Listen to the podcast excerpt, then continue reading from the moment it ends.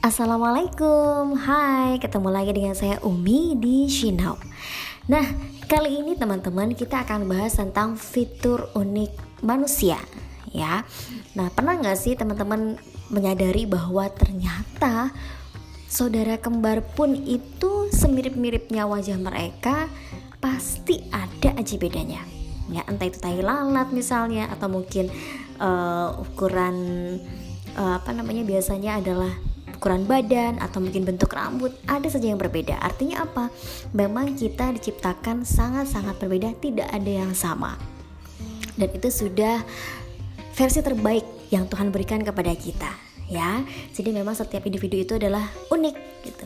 Jadi sangat salah kalau teman-teman merasa minder atau insecure kenapa sih kalau aku nggak sukses? Ah, jangan begitu ya, karena setiap orang berhak sukses karena setiap kita punya fitur unik yang sudah diberikan oleh Tuhan dan itulah versi terbaik yang kita miliki.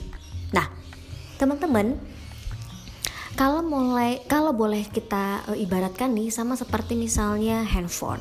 Handphone itu si penciptanya nih, si pencipta handphone tersebut udah memberikan oh handphone ini itu fitur uniknya ini, aplikasinya ini, prosesornya ini, misalnya softwarenya ini, itu dia berikan kepada handphone tersebut. Nah, ketika handphone tersebut kita gunakan dengan memanfaatkan fitur unik-fitur unik tersebut, maka handphonenya akan jadi lebih maksimal, lebih optimal. Sehingga sama nih teman-teman seperti kita, kita akan lebih optimal, kita akan lebih produktif, kita akan lebih maksimal ketika kita bisa memanfaatkan apa-apa saja yang sudah Tuhan berikan kepada kita. Ya jadi kalau kita masih merasa insecure kita masih merasa kok gue gak bisa apa-apa? Coba cek. Siapa tahu kita belum mengoptimalkan fitur unik yang sudah diberikan oleh Tuhan kepada kita. Nah teman-teman pertanyaan berikutnya adalah sebenarnya fitur unik itu apa aja sih fitur unik yang bisa kita pelajari kalau kita ngomong garis besarnya sih paling tidak ada dua ya. Yang pertama adalah faktor fisik yang kemudian berikutnya adalah faktor uh, psikis yang tidak terlihat. Jadi faktor fisik yang terlihat dan juga ada faktor psikis yang tidak terlihat. Nah beberapa pekerjaan beberapa profesi beberapa peran itu mereka ada yang memerlukan kondisi fisik tertentu. Tapi di pekerjaan tertentu lain juga mereka tidak memerlukan kondisi fisik tertentu. Sehingga apa? Teman-teman penting untuk kenal kondisi fisik teman-teman.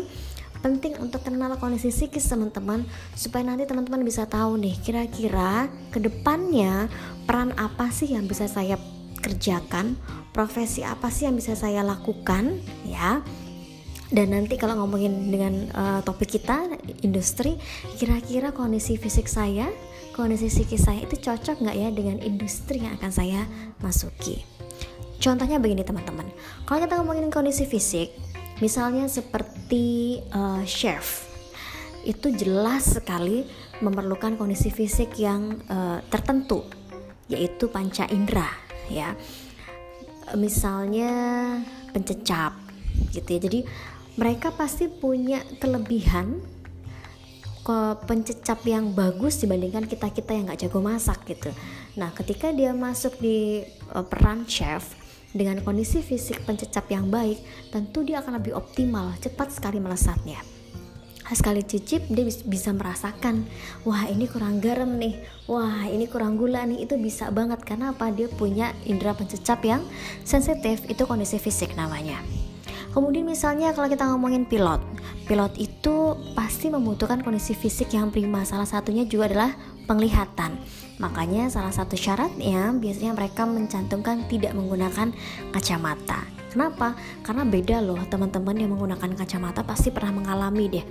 Kalau kita pakai kacamata dan kita melepas kacamata pasti uh, apa namanya penglihatan kita akan sedikit berbeda. Kalau kita memiliki kondisi mata yang apa namanya keterbatasan seperti minus atau plus gitu ya. Sehingga apa? Tadi saya ulangin lagi sekali lagi nih penting banget nih.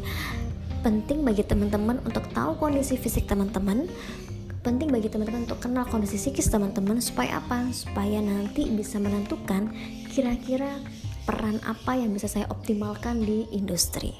Nah kalau kita sudah paham kondisi fisik kita, kita sudah paham kondisi psikis kita, maka tentunya kita punya level atau itu ya sensitivitas akan lebih mudah mengenali kondisi fisik orang lain, akan lebih mudah mengenali kondisi psikis orang lain sehingga kita bisa juga menentukan kira-kira tim kita kita perlu tim yang seperti apa sih? Apakah memerlukan kondisi fisik? Apakah cukup dengan psikisnya saja atau kombinasi keduanya? Oke. Okay? Oke teman-teman, bagaimana menurut teman-teman? Apakah sudah mulai mengenal kondisi fisik dan psikisnya? Silahkan berikan komentarmu di kolom komentar. Sampai ketemu lagi di berikutnya. Assalamualaikum warahmatullahi wabarakatuh.